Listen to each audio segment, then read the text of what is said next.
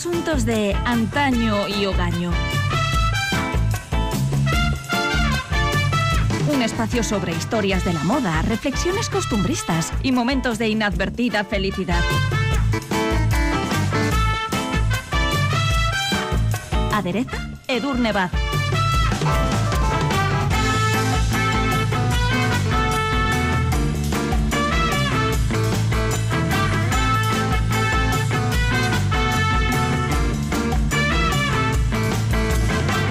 Lo prometido es deuda. Tras dedicar nuestro episodio anterior al power dressing, nos centramos hoy en la historia del smoking, uno de los atuendos más elegantes y versátiles que nos ha brindado la historia de la moda. Edu Rebaz, ¿qué tal? Hola. Hola, muy bien. Y vamos a hablar no solamente de su historia, sino también casi fijar conceptos, ¿eh? que es muy interesante. Saber Sí. qué es un smoking. Exactamente, porque a veces los confundimos con el chaqué, con el frac. Bueno, hablamos de un atavío que en la actualidad, y gracias a los pioneros y pioneras que décadas atrás desafiaron las convenciones de género, ya lucen con idéntico estilo hombres y mujeres. Pero, ¿cuál es la intrahistoria del uniforme que han lucido impecablemente figuras del cine como James Bond, diseñadores como Tom Ford o mujeres como Nieves Álvarez o Charlize Theron? Ya os adelanto que la cosa en la historia del smoking está literalmente reñida. Tengo un smoking.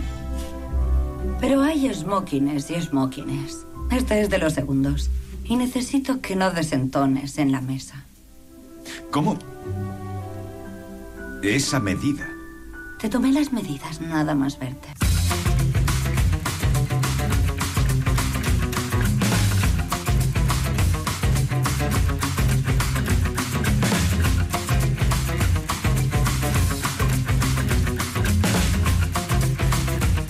Y como decíamos en este repaso a la historia del smoking, quizás lo más apropiado, lo más conveniente sea empezar por definirlo, ¿no? ¿Qué es exactamente un smoking, Edurne? Bueno, hablamos de un atuendo de etiqueta semiformal recomendado para encuentros sociales que tengan lugar a última hora de la tarde o por la noche.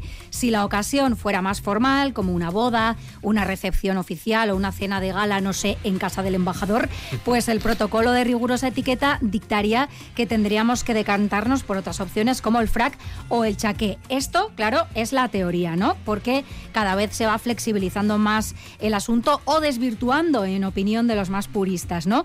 Llegados a este punto es preciso que hagamos una primera aclaración y es que el término que utilizamos en castellano para referirnos a este atuendo es producto en realidad de un error de traducción Vale, o o de sea una que no es smoking en realidad. no, bueno, le llamamos smoking y para nosotros es lo que es, pero ese término en realidad es un error de traducción o una falta de traducción, ¿no? El término original en inglés fue smoking jacket o chaqueta de fumar y nosotros dijimos, bueno, pues smoking y ya está, ¿no?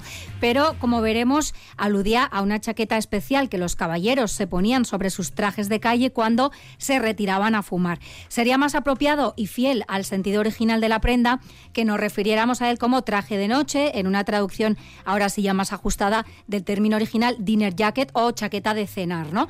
Por si no fuera ya suficiente confuso todo esto, existe otro nombre oficial para lo que nosotros conocemos como smoking y es tuxedo, que es la nomenclatura utilizada en inglés americano. Pero además sabremos en unos minutos por qué.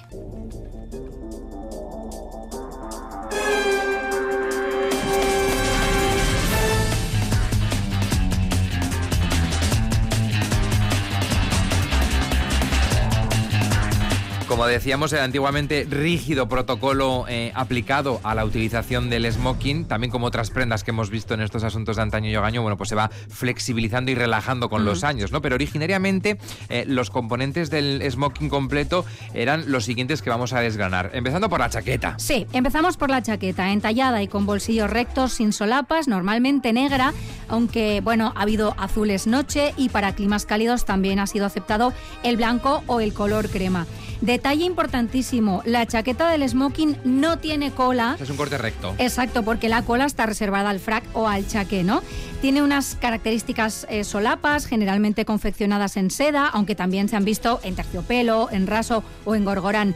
Y lo habitual es que se cierre al frente con uno o dos botones que el portador se podrá soltar solo cuando se siente, pero que tiene que tener abrochado siempre cuando esté de pie. Y por cierto, no está permitido el efecto boda, es decir, nada de quitarse la chaqueta para bailar o lo que surja a lo largo de la velada, porque esto se considera una falta total de decoro, sudes lo que sudes. Vale, la chaqueta es un elemento principal e importante. ¿Cuáles más componen el smoking? Bueno, tendríamos la camisa, que debería ser blanca, de cuello paloma o de punta, que es el específico para la pajarita, que de acuerdo al protocolo también será negra y lisa porque la blanca es la apropiada para la rigurosa etiqueta, es decir, para el frac. Podremos añadir unos bonitos gemelos en el puño de la camisa y quizá también unos pliegues en la parte frontal de la camisa. Esto es muy característico porque le dan prestancia al asunto ¿no? y al propio tejido. Tenemos el pantalón que también tiene que ser negro, con una característica raya lateral elaborada con el mismo satén que se utiliza en las solapas de la chaqueta y podríamos incluir un chaleco que al igual que la pajarita suele ser del mismo tejido que las solapas de la chaqueta, aunque con frecuencia también es sustituido por un fajín, de nuevo en el mismo tejido que las solapas de la chaqueta. En lo que respecta a los zapatos, deben ser negros de charol si nos atenemos a la norma general y no hace falta decirlo con calcetines negros. Nada de blancos. No, por Eso favor. Es un horror. Stop Reservado escayola. solamente para unos eh, seleccionados, Sí, elegidos. nada, pantalón negro y zapato negro con calcetín blanco, pues normalmente no, si no eres Michael Jackson o quizá Audrey Hepburn en una cara con ángel, que eso estuvo muy bien. Pero como decíamos, estas normas, bueno, se han ido relajando gracias a las aportaciones de diseñadores como por ejemplo Tom Ford, del que hablábamos antes, y al deseo de los hombres de poder gozar también de un cierto margen para la expresión personal, para ofrecer una imagen distintiva en, por ejemplo, una alfombra roja, ¿no? Bueno, pues ya sabemos que el smoking lleva chaqueta, camisa pajarita, pantalón, chaleco. También puede llevar fajín y zapatos. Y ahora que conocemos mejor el atuendo que nos ocupa, es momento de sumergirnos en su historia. One, two, three,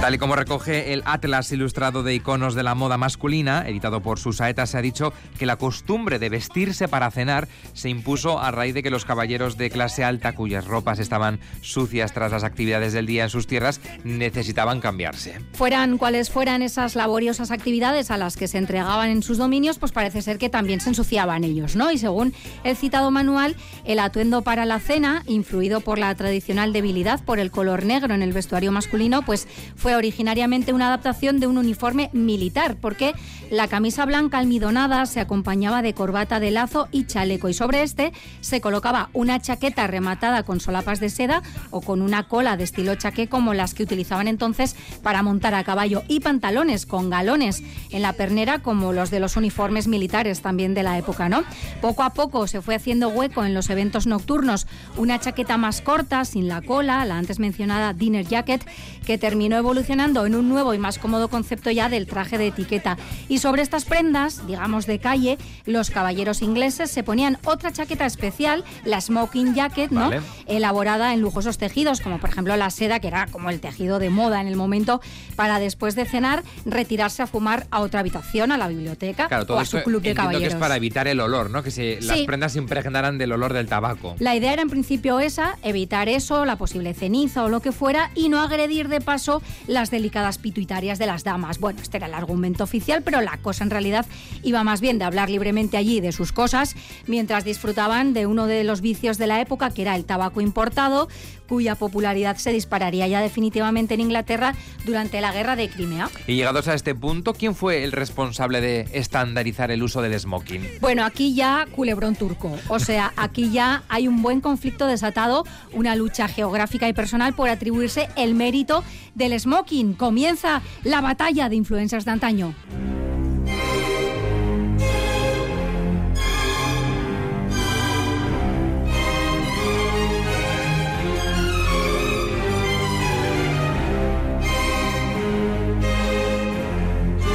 Pues vamos a ver en qué queda ese conflicto que se inicia en el siglo XIX. El futuro Eduardo VII, entonces todavía príncipe de Gales, pidió a los sastres de Seville Row, Henry Paul and Company, que le diseñaran un traje con el que pudiera sentirse cómodo y al tiempo elegante en sus cenas privadas. ¿Qué crearon? Bueno, el resultado fue una pieza de doble botonadura, amplias solapas con tejido en contraste y bolsillos delanteros, la considerada por algunos la primera dinner jacket o chaqueta para cenar, confeccionada en torno a 1860. Y aquí llega la pugna por la autoría del smoking, porque según otras versiones, James Brown Potter, millonario norteamericano y comerciante de café, en uno de sus viajes a Reino Unido visitó al citado Eduardo VII y quedó fascinado por ese nuevo atuendo. Ni corto ni perezoso acudió a sus sastres y les pidió que le confeccionaran uno exactamente igual. Y a su vuelta a Estados Unidos estrenó su nuevo traje para acudir al neoyorquino y elitista club de campo Tuxedo Park, donde causó sensación. Esa sería la razón de que, como apuntábamos en inglés americano, a lo que nosotros conocemos como smoking y los británicos conocen como dinner jacket, se le llame tuxedo. Pero diríamos que técnicamente no lo inventó, solo lo puso de moda, ¿no? O sea, tuxedo es prácticamente, mm, o bien el término, mm, porque lo estrenó en ese En el en- en Tuxedo el Park, Tuxedo en Park, ¿no? club vale, vale. exclusivo. Bueno, pues esto nos parece ya poco embrollo, esperad porque hay más contendientes en la batalla de estos influencers de antaño. Sí, porque nos vamos a situar ahora en torno a 1886. Entra en escena Pierre Lorillard, cuarto, miembro de la poderosa y aristocrática familia francesa del mismo nombre, que en el siglo XVIII había amasado una gran fortuna con el comercio del tabaco. Bueno, pues el señor Lorillard no se sentía cómodo con el frac y pidió a sus sastres que le confeccionaran varias chaquetas negras sin faldones para el baile de otoño que luego, al parecer, no se atrevió a lucir, temeroso, pues oye, de las habladurías y el cuchicheo de qué pinta es esa. Pero al parecer sí lució y puso de moda su hijo y heredero, Griswold Lorillard, más conocido como Gritzy, que apareció animoso en el ya citado club Tuxedo Park de Nueva York, causando sensación. Supongo que se arrepentiría de no haberlo llevado él. Sí, maldita sea, ¿no? Bueno, y al parecer tenían las mismas medidas también, ¿no? Y tal y como recoge el libro El Caballero de Bernhard Rotzel, para dar solidez a la idea de la propiedad intelectual, Estados Unidos conmemoró el 10 de octubre de 1986 el centenario del nacimiento del tuxedo, ya como haciéndolo completamente suyo, ¿no? Y a tal efecto, la American Formal Wear Association realizó una campaña publicitaria en la que se rendía tributo al aludido Gritzy, al que se atribuye aquella aparición estelar en el Tuxedo Park un 10 de octubre de 1886 con su smoking, ¿no? Pero ojo, nuevo giro argumental en el culebrón. Uy, ¿qué pasa? Porque muchos sostienen que en realidad el magnate del tabaco y los caballos pura sangre le copió la idea a Eduardo VIII, rey durante menos de un año de Inglaterra y conocido después como Duque de Windsor, desde que abdicó para casarse con la estadounidense plebeya y divorciada Wallis Simpson. Esto fue un escándalo máximo. Absolutamente. Bueno, pues Y sigue el duque, coleando, ¿eh? por supuesto, en la familia real todavía se duelen de aquello, ¿no? Pero bueno, el duque en cuestión está considerado un verdadero icono de la moda. Este es un clarísimo ejemplo de nuestros influencers de antaño y hogaño, ¿no? Lo que de nuevo volvería a colocar la pelota de la autoría del smoking en tejado inglés. Lo que sí se sabe que hizo el disco Eduardo VIII fue garantizar su aceptación generalizada como traje estándar de etiqueta y que además se permitió el lujo de introducir sus propias variaciones en el color, por ejemplo, incorporando el azul medianoche, o en los detalles, con la incorporación de un chaleco sin espalda de pique blanco que se sujetaba en la parte de atrás por dos tiras. Bueno, pues aquí están todas las teorías que pululan por ahí y que cada cual se quede con la versión que más le convenza.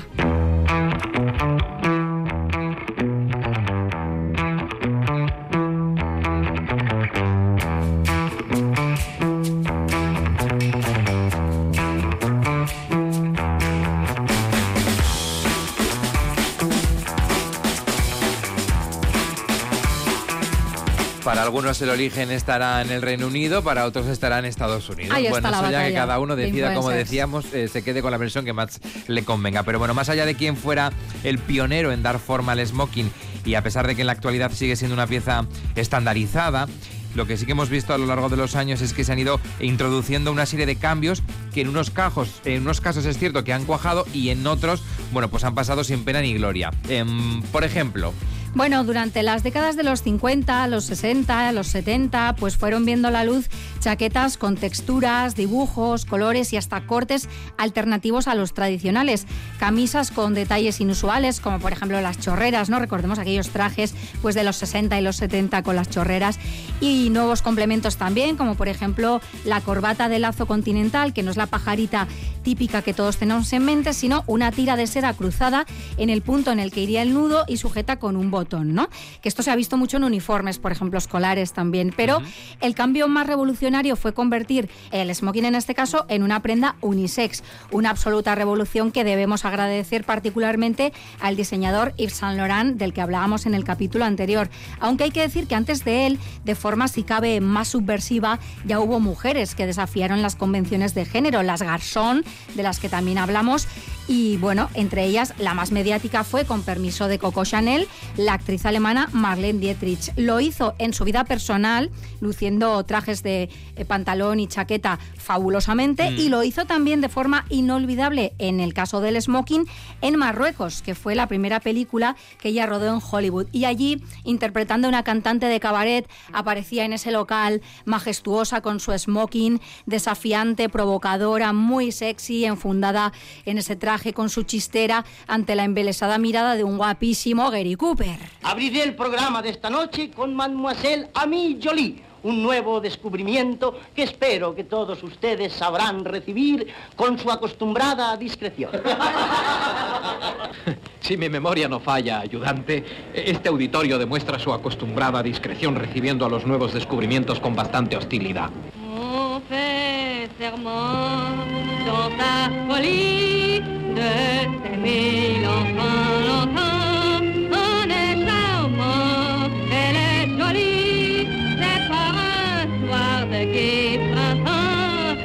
जगा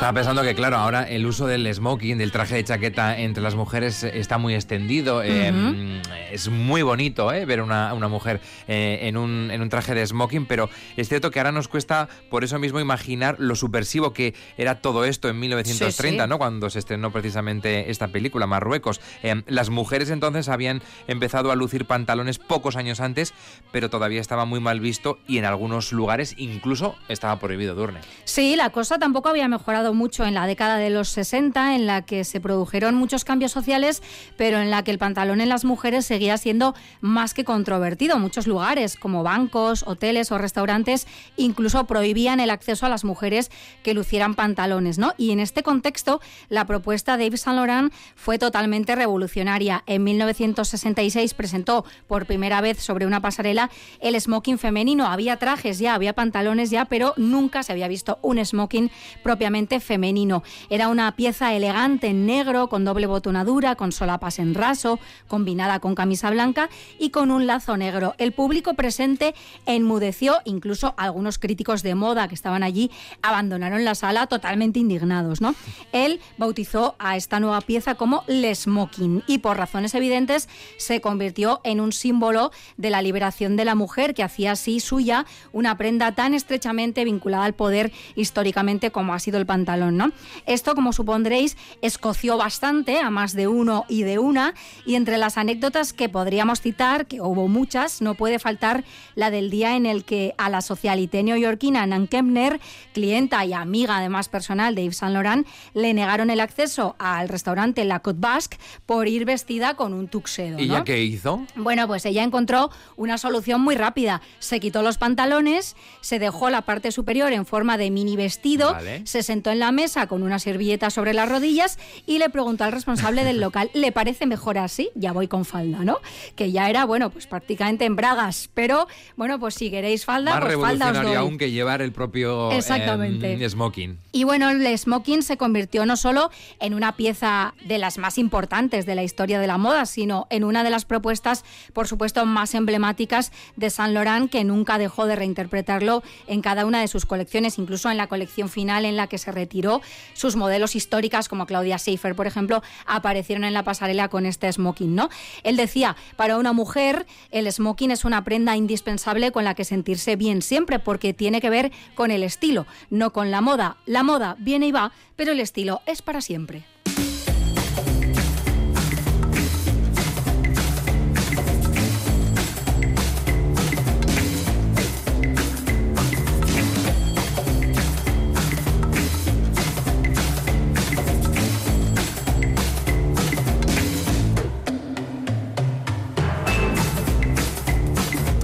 Dado que la moda es un organismo vivo que eh, evoluciona ¿no? con la propia sociedad, no sé si veremos todavía cambios ¿no? en la concepción clásica del smoking. Sí, los vemos continuamente en las alfombras rojas donde los hombres para marcar esa diferencia y romper la uniformidad pues prueban con smokings diferentes, ¿no? Sin ir más lejos también se están proponiendo ya en color blanco para las novias como alternativa al vestido tradicional. Estas propuestas las hemos visto por ejemplo ya en firmas como Carolina Herrera o por supuesto Juan Avellaneda que es un diseñador especializado también en smokings que hace auténticas maravillas, Maravillas, absolutamente. tanto para hombres como para mujeres. Y como no, Álvarez creo que es una de sus Sí, musas. exactamente, gran amiga personal, musa y mejor embajadora, ¿no? Absolutamente. Y como no sigue siendo una pieza clave, tanto en hombres como en mujeres, pues a la hora de pisar la alfombra roja, porque entre lo más recordado así en cuanto a embajadores del smoking, pues hombre, nos viene a la cabeza Humphrey Bogart con su versión en blanco, ¿no? En, en Casablanca, como Rick, y también James Bond, cualquiera de los James Bond, ¿no? O sea, o Sean Connery Yo en soy muy de particular. Pierce Brosnan, ¿eh? Siempre Hombre, lo, gran lo he Pierce, reconocido. Fundamental, muy elegante.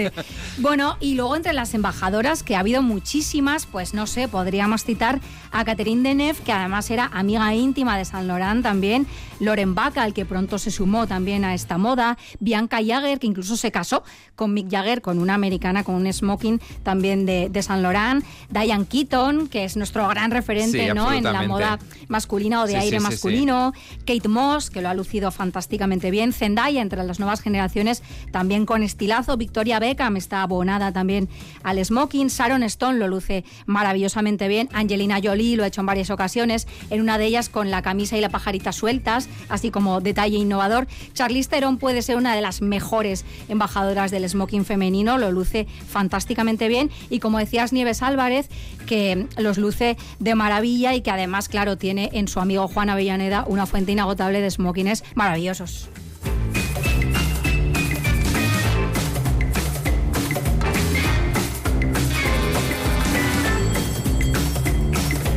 Hoy en Asuntos de Antaño y Ogaño, una historia, la historia del smoking, con sus idas y venidas, con esa batalla, esa guerra de naciones Sí. eh, por apropiarse, mm, por ser, eh, bueno, quienes lo inventaron o quienes lo pusieron, eh, bueno, pues eh, en las calles de alguna forma. También con esa guerra con el nombre, nosotros lo hemos adoptado como smoking, en Estados Unidos es tuxedo. Bueno, hemos repasado la historia y también quienes ahora lo, lo llevan con tanta elegancia, ¿no? Por Esas supuesto. primeras mujeres que se atrevieron a llevarlo, eh, contraviniendo las normas Ahora pues del con momento. camisa, sin camisa, con una pieza lencera. Es un must. Da mucho un, de un- sí. Un, un smoking. Un smoking es una auténtica maravilla. Hombre, no tenemos muchas ocasiones, el común de los mortales, de lucirlo, porque no tenemos esas grandes citas, pero bueno, da tanto gusto tener uno. Y luego se pueden adaptar. Separamos la chaqueta y el pantalón y la podemos usar indistintamente con un vaquero. En fin, esto ya luego se puede explorar libremente. Edur Nebaz, es que ricasco. Es el. Agur. Agur.